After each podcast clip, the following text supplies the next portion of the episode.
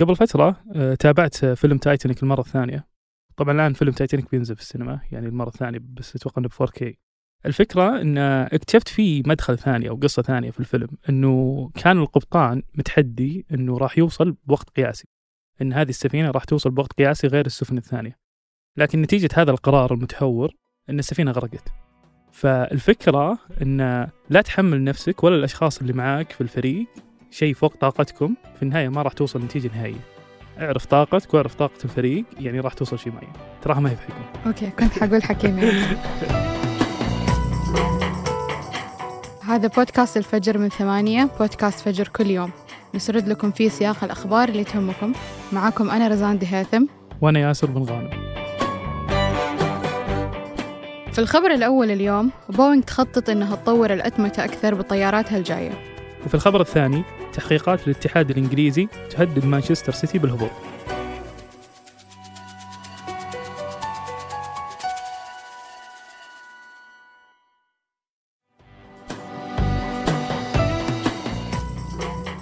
هذا الأسبوع وبحفل حضر الآلاف من موظفينها ودعت بوينغ طياراتها التاريخية الكبيرة 747 وسلمت آخر طلب لها لآخر شركة طلبتها. بعد أكثر من 1500 طلب سابق لهذه الطيارة من وقت إطلاقها قبل 54 سنة لكن خلال الحفل تحول الانتباه لتصريح جريء ومباشر لرئيس بوينغ التنفيذي Autonomy is going to come to all of the airplanes eventually. It's important. It's safe. So, uh, خلال لقائه بالحفل تكلم عن خطط بوينغ للفترة الجاية بعد ما وقفوا تصنيع 747 وقال إنهم يخططوا يستخدموا التقنيات الحالية بالطيارات العسكرية اللي صنعوها بالطيارات المدنية التجارية. وأول تقنية قالها كانت أتمتة قيادة الطائرة واللي بتنقل الطيارات لمستوى أعلى وأعقد بكثير من الطيار الآلي اللي موجود الآن بالطيارات حول العالم. واللي عادة وظيفته تبدأ بعد الإقلاع وقبل الهبوط ولازم يتابعوه الطيارين باستمرار. وبأغلب الطيارات يقدر يهبط لو كانت الظروف الجوية صعبة على الطيار وصار بسبب هالشي هبوط الطيار أقل أمانا من الطيار الآلي. لكن اللي قصده رئيس بوينغ هو تطوير قدرة هذا الطيار الآلي إلى ما تصير كل الرحلة باستثناء الإقلاع عليه.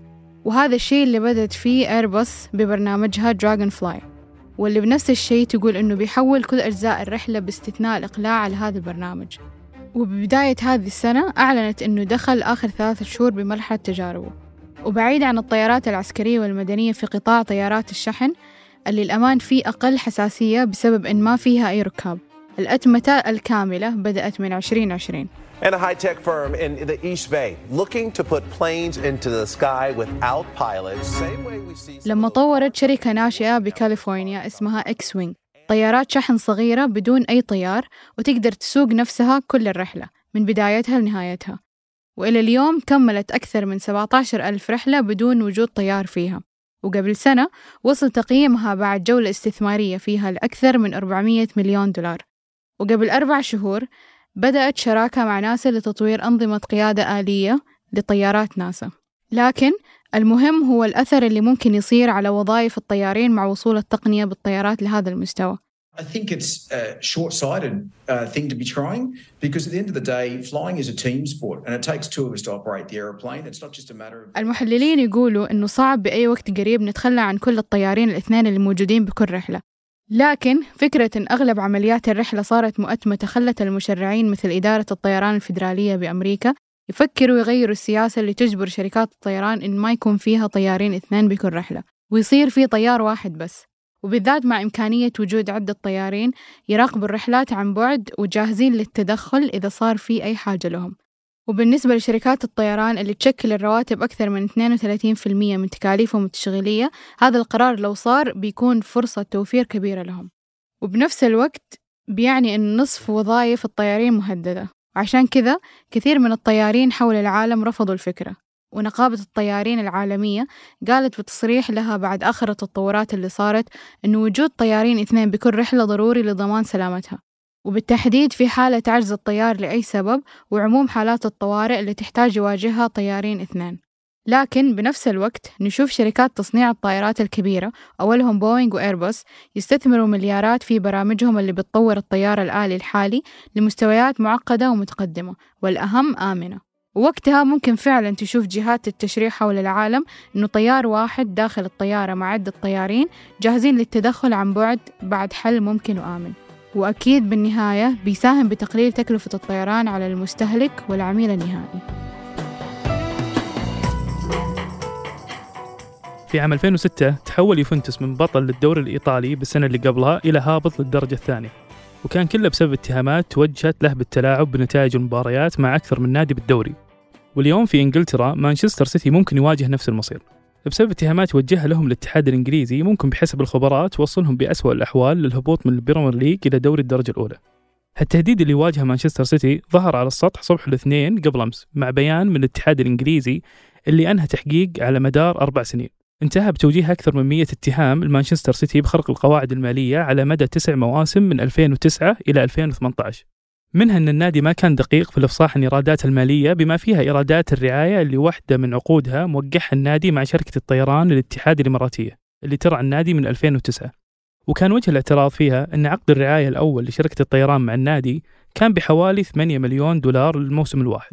بينما كان قيمة عقد الرعاية على الموسم الماضي الحالة حوالي 80 مليون دولار دفعها طيران الاتحاد في هالزاوية الاتحاد الإنجليزي يحتج أن عقود الرعاية هذه ما هي عادلة ولا شفافة. ولا تعكس القيمة السوقية الحقيقية للعقد. لأن مالك النادي منصور بن زايد هو نفسه نائب رئيس الوزراء لدولة الإمارات. فالاتحاد يقول أن عقود الرعاية مبالغ في قيمتها عشان توافق المصالح اللي يظهر فيها مثل هالحالة. من الاتهامات بعد اللي يواجهها النادي أنه مدربه الإيطالي السابق روبرتو مانشيني اللي درب الفريق لأربع مواسم كان يستلم جزء من المستحقات المالية من نادي الجزيرة في أبو ظبي. لأن مانشستر سيتي ما يقدر يدفع كامل المبلغ من حساب المالي عشان قوانين اللعب المالي النظيف. فيلجأ لدفع جزء من مستحقات المدرب من مصدر خارجي ما تراجع قوامه المالية من الاتحاد الإنجليزي. ومن الجهة الثانية النادي نشر بنفس اليوم بيان على موقعه وقال إنه مصدوم من هالاتهامات وإنه يرحب باللجنة المستقلة اللي بتحكم في هالقضية بينه وبين الاتحاد الإنجليزي ويتمنون أن حكمه في هالادعاءات ينهي هالجدل تماما. والمشاكل بين النادي والاتحاد الإنجليزي بدأت من يوم ما استحوذت عليه مجموعة أبو ظبي للتنمية والاستثمار في عام 2008 وهي المجموعة اللي يملكها منصور بن زايد كانت قيمة هذا الاستحواذ 212 مليون دولار. لكن هذا الاستحواذ كان مصحوب بضخ حوالي مليار و800 مليون دولار على مدى المواسم التالية للاستثمار في النادي وزيادة قدرته التنافسية.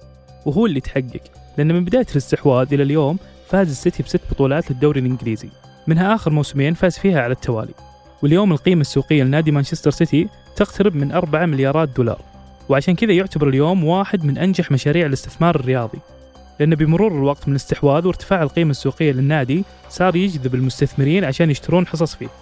في عام 2015 باعت المجموعة المالكة للنادي 13% من أسهمه بقيمة 400 مليون دولار لمستثمرين صينيين وفي عام 2019 باعت 10% المستثمرين الأمريكان بحوالي نصف مليار دولار. On the 22nd of January, that was the date, the 22nd of January, Manchester City are to be punished مع النجاحات الرياضية والاستثمارية صار النادي هدف للتحقيقات المالية في سجلاته. وفي 2020 عوقب من الاتحاد الأوروبي بمنعه من المشاركة لمدة سنتين في البطولات الأوروبية اللي ينظمها بسبب خروقات مالية لقانون اللعب المالي النظيف اللي يفرض الاتحاد على المتنافسين في بطولاته. بس السيتي قدر يستأنف على القرار ويكسب الاستئناف واكتفى وقتها بدفع غرامة مالية بس. بس المرة ذي الاستئناف غير ممكن وهو اللي يصعب مهمة السيتي القانونية أكثر. واتهامات الاتحاد الإنجليزي بتخضع لقرار لجنة مستقلة عن الاتحاد وعن النادي. بتقرر يا تجرم النادي وإيقاع العقوبات عليه أو بتبرئه وحكمها بيكون حكم نهائي غير قابل للاستئناف وعلى مستوى العقوبات في حال التجريم. فبحسب المحللين أن كل شيء وارد في القضية مع أن اللجنة تكتفي بغرامة مالية بس على السيتي إلى أقصى عقوبة ممكنة اللي هي تجريده من بعض الألقاب أو حتى هبوطه من الدوري الإنجليزي الممتاز. وبكل الأحوال فاللي قاعد يصير لمانشستر سيتي المفروض ينتبه له المستثمرين في باقي أندية الدوري الإنجليزي. فتشيلسي مثلا اللي شرح حديث المستثمر الأمريكي توم بويل وصرف بس على الانتقالات الشتوية خلال يناير هالعام حوالي 400 مليون دولار. قد يكون هو الهدف التالي لتحقيقات الاتحاد الإنجليزي المالية وقبل ننهي الحلقة هذه أخبار على السريع.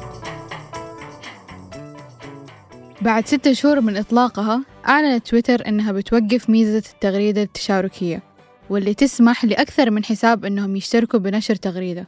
وقالت أن التغريدات اللي انكتبت بهذه الميزة بتبقى لمدة شهر بنفس وضعها ثم بعد شهر بتتحول لتغريدة في حساب المغرد الأساسي وريتويت في حساب المغرد الثاني. وإنهم بيراجعوا الميزة أكثر وممكن يطلقوا بالفترة الجاية شيء يشبهها ويسوي نفس الفكرة. وفي الرياض صارت هذا الأسبوع تجربة أسرع اتصال واي فاي بالعالم واللي صارت في مؤتمر ليب وجربت فيها أكثر من شركة اتصال واي فاي بنطاق 6E بدل نطاق ال five اللي متوفر الآن للكل. وفي التجربة الوقت اللازم لتحميل ملف 10 جيجا بايت انخفض من 170 ثانية بنطاق 5 ل 33 ثانية ب 6E ووصلت سرعة التحميل لأكثر من 2.4 جيجا بايت بالثانية واللي هي أكثر بست مرات من السرعة بنطاق 5 أنتج هذه الحلقة عمر العمران وعبد العزيز الحبيب. وقدمتها أنا ياسر بن غانم. وأنا رزان دي هاثم وراجعها عمر العمران وحررها محمود أبو ندى. نشوفكم بكرة الفجر.